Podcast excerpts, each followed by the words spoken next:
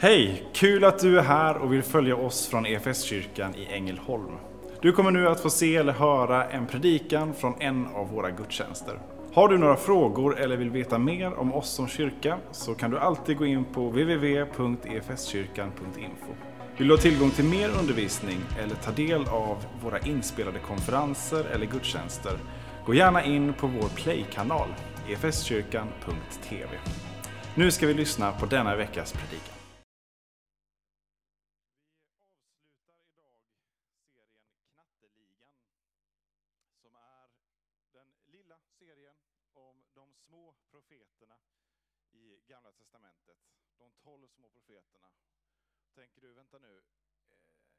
Två, tre söndagar har vi haft här. Ja, precis.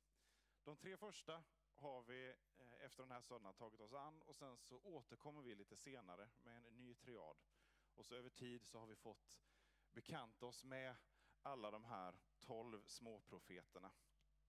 Och idag så ska vi få bekanta oss med Joels bok. Jag vet inte om du har läst Joels bok eller känner dig bekant med den. Men har du firat gudstjänst på pingstdagen här någon gång eller någon annanstans så har du eh, med stor sannolikhet eh, hört ett citat ur Joels bok. När vi läser ifrån eh, Apostlagärningarna så får vi läsa Petrus tal där han förklarar vad är det nu som händer när anden har kommit. Och då är det Joels bok som kommer till honom. Så vi ska läsa ifrån Joels bok, då, det stället som, som Petrus citerar på pingstdagen. I andra kapitlet och vers 28 och framåt. Det ska ske därefter att jag ska utgjuta min ande över allt kött. Era söner och era döttrar ska profetera, era gamla män ska ha drömmar, era unga män ska se syner. Också över tjänare och tjänarinnor ska jag i de dagarna utgjuta min ande. Och jag ska låta tecken synas på himlen och på jorden, blod, eld och rökpelare.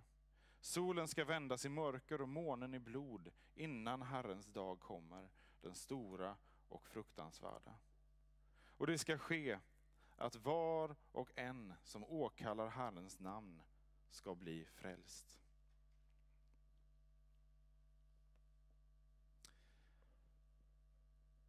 Här har vi det fantastiska löftet som vi ser går i uppfyllelse på pingstdagen. Det som Gud har talat om hundratals år tidigare, det ser Petrus, det händer just nu. Några veckor efter uppståndelsen, bara dagar efter att Jesus har lämnat dem och stigit upp till sin fader i himlen och de har väntat i bön, så kommer det här ordet i uppfyllelse. Och det är något fantastiskt. Men Joel innehåller också mer än det här. Någonting som leder fram till det här. Och när vi närmar oss profeterna så är det många ord som inte är lika goa som det här. Profeterna har till uppgift att varna, att eh, blottlägga orättfärdighet i samhället, synd, det som, som sker i Guds folk och i hela samhället som går emot Guds vilja.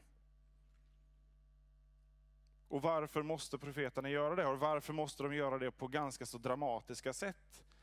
Gång på gång. Och därför att folket inte vill lyssna. Och de är så bångstyriga tänker vi när vi läser berättelserna i Gamla Testamentet. Men folket, det är vi. Guds folk. Så när profeterna talar så talar de till oss.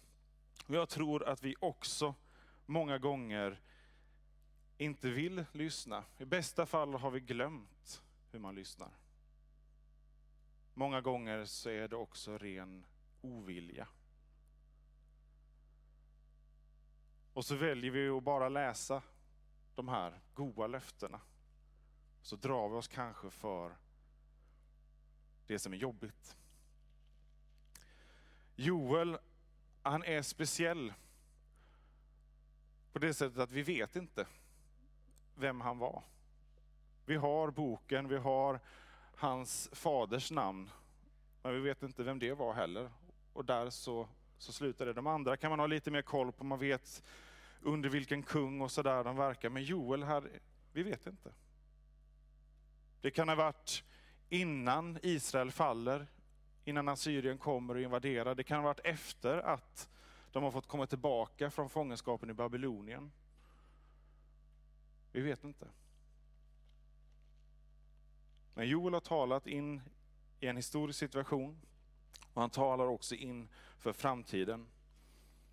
På det sättet kanske också Joel kan ses som verkligt tidlös som profet. Och han är också speciell på det sättet att han, till skillnad från de andra profeterna, gör inte upp långa listor över vad det är som har gått fel. Många av de andra ger exempel på konkreta synder, på saker som, som folket eh, har gjort. Eh, hur fattiga förtrycks eller hur, eh, hur Guds tempel har skändats eller hur man har skaffat sig avgudar. Joel nämner ingenting sånt här. Utan han talar bara direkt om när konsekvensen av att vända Gud ryggen drabbar folket. Det är som att han förutsätter. Ni har ju läst de andra profeterna, ni har ju hört Guds ord, ni vet. Ni vet vad synd är, ni vet vad rättfärdighet är. Men ni har inte lyssnat.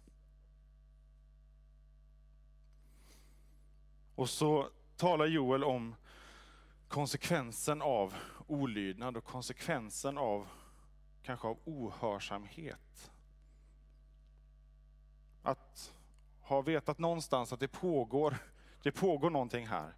Det pågår eh, ett samhälle och ett, ett folk som är Guds folk. Som har fått speciell uppenbarelse, som har fått speciell kallelse att vara ljus för alla andra.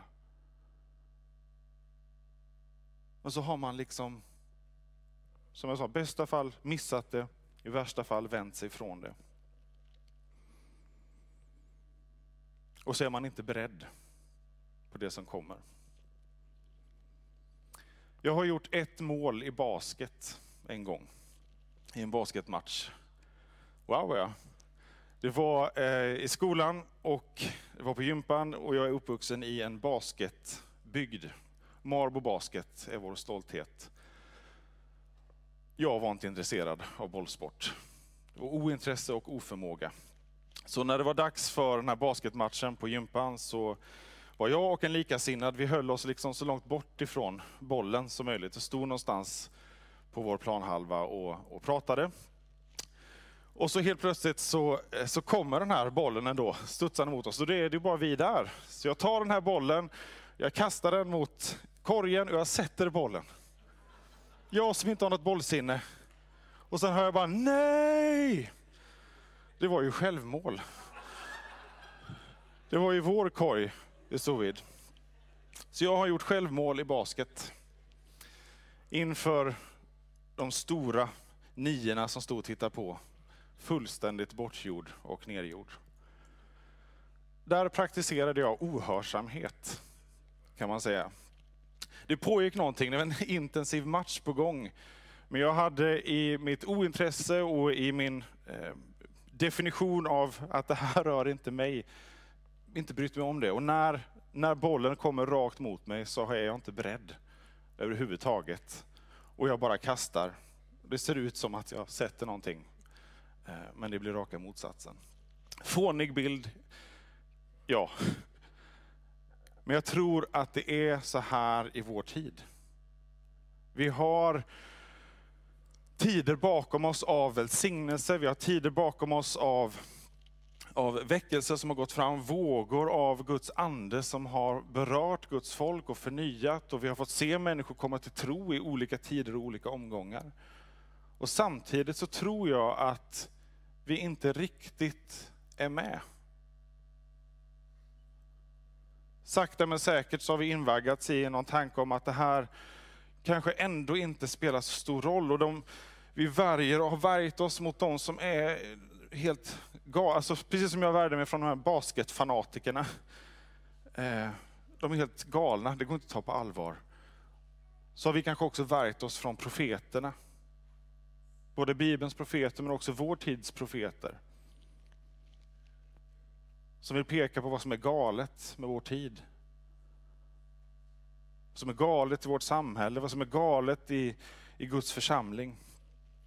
Och så blir det jobbigt, och särskilt för oss då i, i Sverige som, som vi vill ha konsensus, det är gött. Det är därför vi har så spännande årsmöten. Där man bara säger ja till förslagen som läggs fram. Så drar vi oss undan det som skaver och det som blir jobbigt att tala om. Vi drar oss undan profeterna, vi kastar ut profeterna från församlingarna. Och är vi då beredda? När konsekvensen av vårt handlande drabbar. Ett samhälle som har vänt sig bort från Gud mer och mer, decennium efter decennium. Vad får det för konsekvenser när evangeliet inte längre präglar en stor del av befolkningen?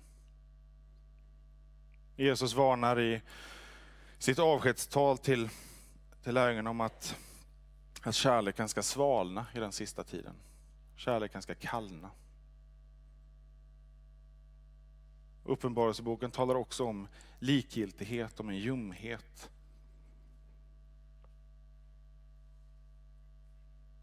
En ohörsamhet där inte ordet längre får hugga tag i oss. Och så vädjar Joel till, till folket. Och så talar han om det som kan komma. Och så har han bilden av en gräshoppsinvasion. Den är så levande så att man, man vill gärna tro att Joel har sett det här hända.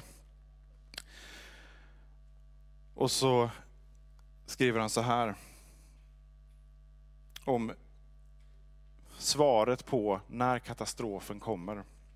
Klaga likt en brud som bär sorgdräkt efter sin ungdoms brudgum.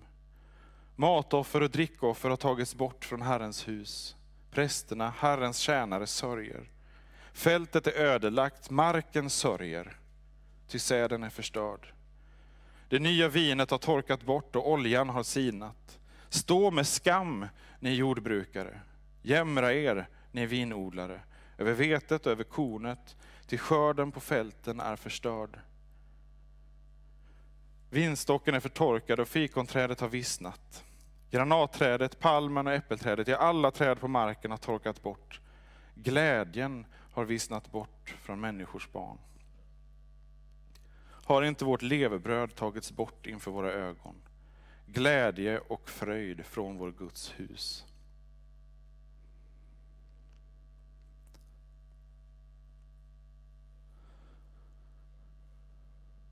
En gräshoppsinvasion som slår mot allt. Där första vågen äter det som har vuxit upp, nästa våg äter det som skulle växa upp och så helt plötsligt så finns ingenting. Och det slår mot hela samhället. All försörjning går om intet. Gudstjänsten upphör också därför att det finns inte något längre att bära fram i offergudstjänsten i templet. Och då lämnar också glädjen och hoppet folket. Det är vad, vad Joel förbereder folket på i den här tiden. Vi vet inte vad som ligger framför oss just nu, men vi hör och har hört varningar ganska länge om hur vår jord mår. Joel skriver här om hur marken sörjer. Paulus skriver om hur skapelsen vrider sig i liksom plågor, födselplågor och ropar efter befrielse. Och med det som vi står inför, med krig, utökat krigshot, Kina som också rör på sig och som nu sluter sig ännu mer. Där land efter land blir också mer antikristligt i det att man tjänar sig själv snarare än folket som ledare.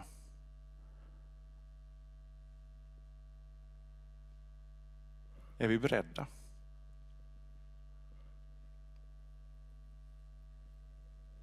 Jag tror att även om uppfyllelsen av Joels bok, tilltalet fanns där i den tid då han skrev det.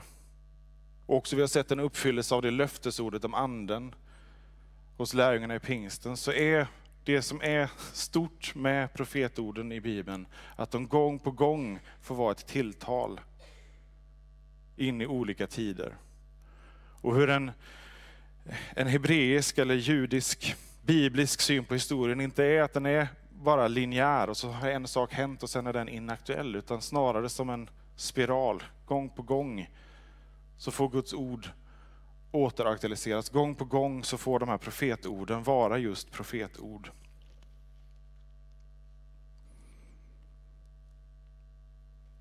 Och gång på gång så ser vi hur när Guds folk lägger sin trygghet, sin tillit, sin tro i andra saker än Gud. Då går det dåligt efter en tid. Och vi kan se ibland hur, hur det talas om Gud väldigt aktivt tar sitt beskydd ifrån för att avslöja hur bräckligt det bygget är. Man sätter sin tillit till avgudar eller till jordisk rikedom eller vad det kan vara. Ibland är det bara rena konsekvenser av hur folket har levt. Odlar du orättvisa så får du också skörda orättvisa. Odlar du rädsla och misstänksamhet så är det också det du får skörda.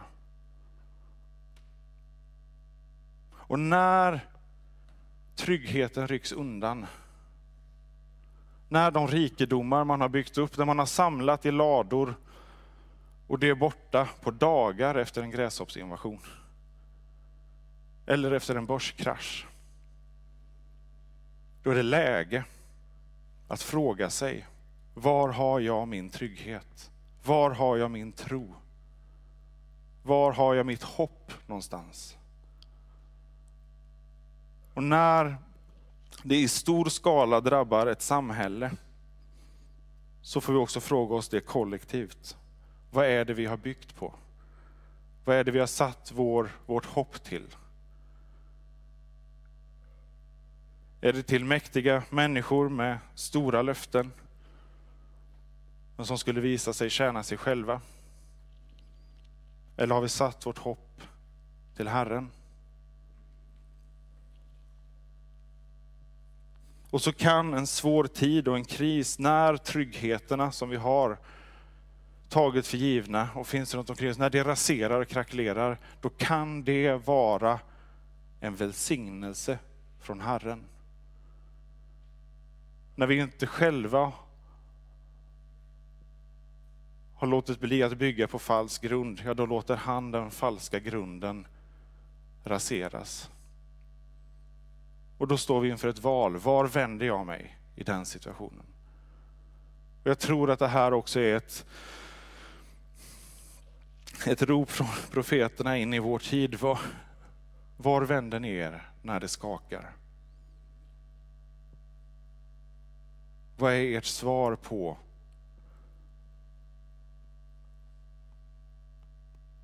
när det vi trodde var självklart och stabilt inte längre är det. Om det så är samhällsbygget eller ekonomin eller relationerna. Det är så mycket som så lätt kan ta, och jag tror har tagit Guds plats i våra liv.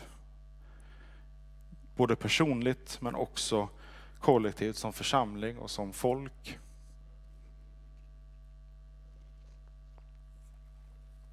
Joel skriver vidare i kapitel 2, vers 12, 13. Nu, säger Herren, vänd om till mig av hela ert hjärta med fasta, gråt och klagan. Riv sönder era hjärtan, inte era kläder och vänd om till Herren er Gud. Ty nådig och barmhärtig är han, sen till vrede och stor i nåd och han ångrar det onda.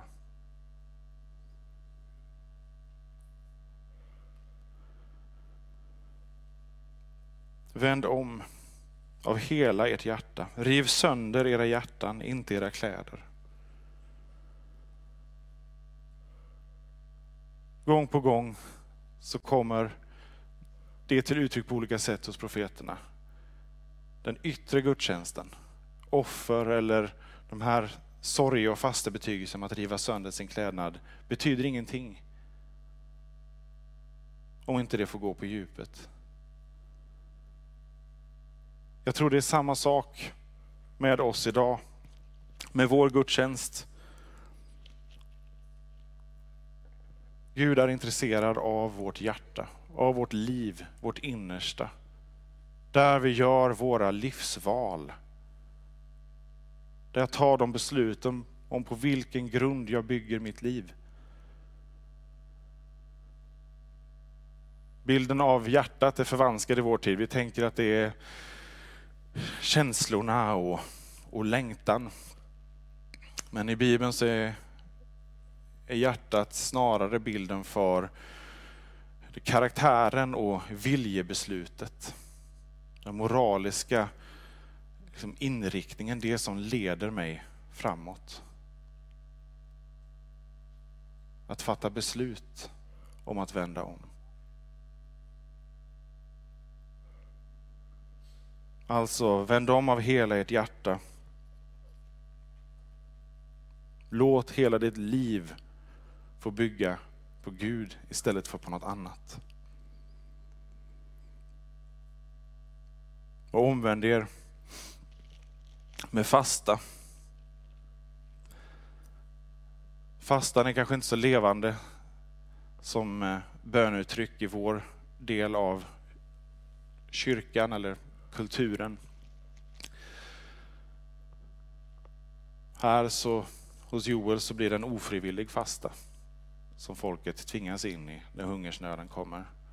Men i det så säger Joel också då, ta då och fasta. Gör det aktivt. Ropa till Gud, vänd om. Och åkalla Herrens namn var och en.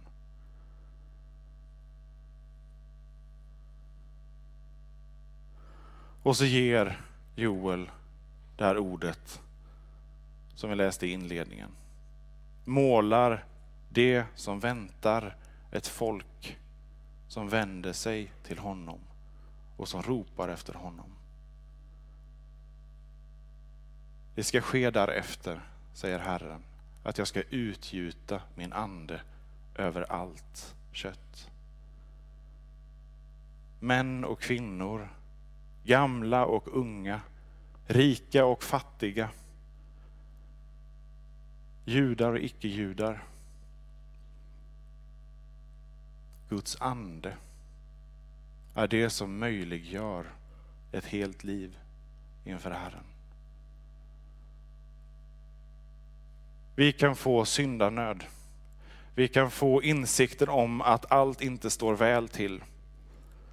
det är väldigt lätt att rädslan då griper tag i oss och antingen flyr vi in i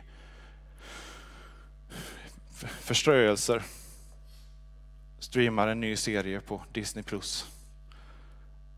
Eller rädsla som eh, för oss in i tomma löften hos människor som längtar efter makt snarare än sann förändring och uppoffring. Men med Guds ande så kan tro väckas i våra hjärtan. där vi ropar efter Herren så har vi löfte om att han svarar. Paulus citerar den sista biten i, i Romarbrevet. Så talar han om hur, hur man blir frälst. Hur blir man räddad? Hur ropar vi? Eh, efter Gud. Han skriver så här i kapitel 10. Om du därför med din mun bekänner att Jesus är Herren och i ditt hjärta tror att Gud uppväckt honom från de döda, då ska du bli frälst. Ty med hjärtat tror man och blir rättfärdig, med munnen bekänner man och blir frälst. Alltså hela människan är med. Inifrån och ut. Skriften säger, ingen som tror på honom ska stå där med skam. Det är ingen skillnad mellan jude och grek, alla har en och samma Herre och han ger sina rikedomar åt alla som åkallar honom. Och så citerar han Joel. Till var och en som åkallar Herrens namn ska bli frälst. Därför måste vi ropa efter Jesus.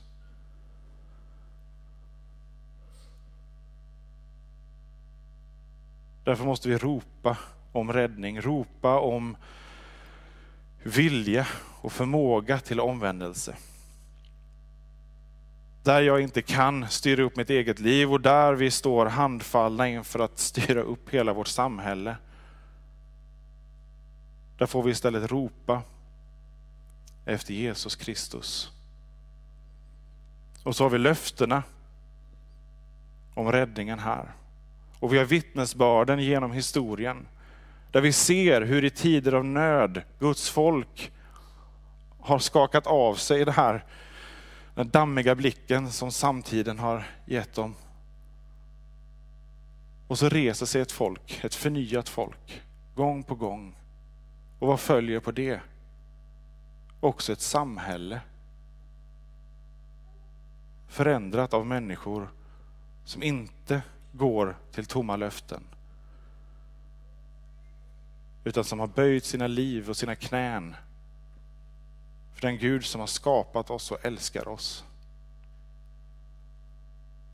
Som fyller oss med sin ande så att vi kan vara en kraft till förändring. Så att vi kan få se människor och samhällen förvandlade av Jesus, som är EFS vision. Det sker inte genom nya metoder och strategier. Det sker när Guds ande får mana oss genom sitt ord till omvändelse. Gång på gång har vi fått se andeutgjutelser genom historien. Joels profetia uppfyllas gång på gång. Vad har föregått de här utgjutelserna? Tid av nöd. Fysisk nöd, andlig nöd. Och människor som har släppt sina falska byggen och vänt sig till Jesus Kristus. Ibland under lång tid av bön och nöd. Ibland under kort tid. Vi vet inte vad som väntar oss. Vi vet inte vilka kriser som kommer att utveckla sig och förvarras framöver. Men vi kan veta att det finns någonting som håller igenom allt. Och Det är den Gud som har skapat och upprätthåller sin skapelse. Och så kan vi ju få bli utrustade för den tid som är innan Herrens dag kommer. Då vi kan få ta emot från den heliga Ande budskap och syner, ord som på riktigt går in i djupet hos de människor som vi möter. Inte därför att det är vår egen vishet eller kunskap eller vad det kan vara, utan därför att Gud vill möta människor genom sin församling, genom de som har böjt sina knän för honom. Oavsett erfarenhet, du kanske har varit kristen i fem minuter, eller fem sekler höll jag på att säga. Du kan ha mycket resurser eller lite resurser. Men Guds ande är det som gör hela skillnaden. Och Guds ande får plats när vi släpper allt annat inför honom. Och då blir Herrens dag inte dom för oss, utan befrielse. Då blir Herrens dag inte ett hot, utan ett löfte.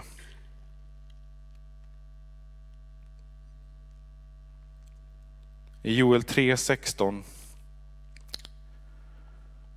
skriver han det som får bli punkten för den här predikan. Herren ryter från Sion. Från Jerusalem låter han sin röst höras. så att himlen och jorden bävar. Men Herren är en tillflykt för sitt folk, ett skydd för Israels barn. Som kyrka är det en glädje att få spela en liten roll av allt Gud gör i och genom ditt liv. Vi vill gärna fortsätta följa dig på den resan. Och vill du ta reda på vad ditt nästa steg kan vara på din resa med Gud så gå in på efskyrkan.info nästa steg. Vår längtan är att få se människor och samhällen förvandlade av Jesus. Genom en kyrka som återspeglar Guds hjärta, bär varandra och betjänar människor varhelst vi befinner oss varje dag.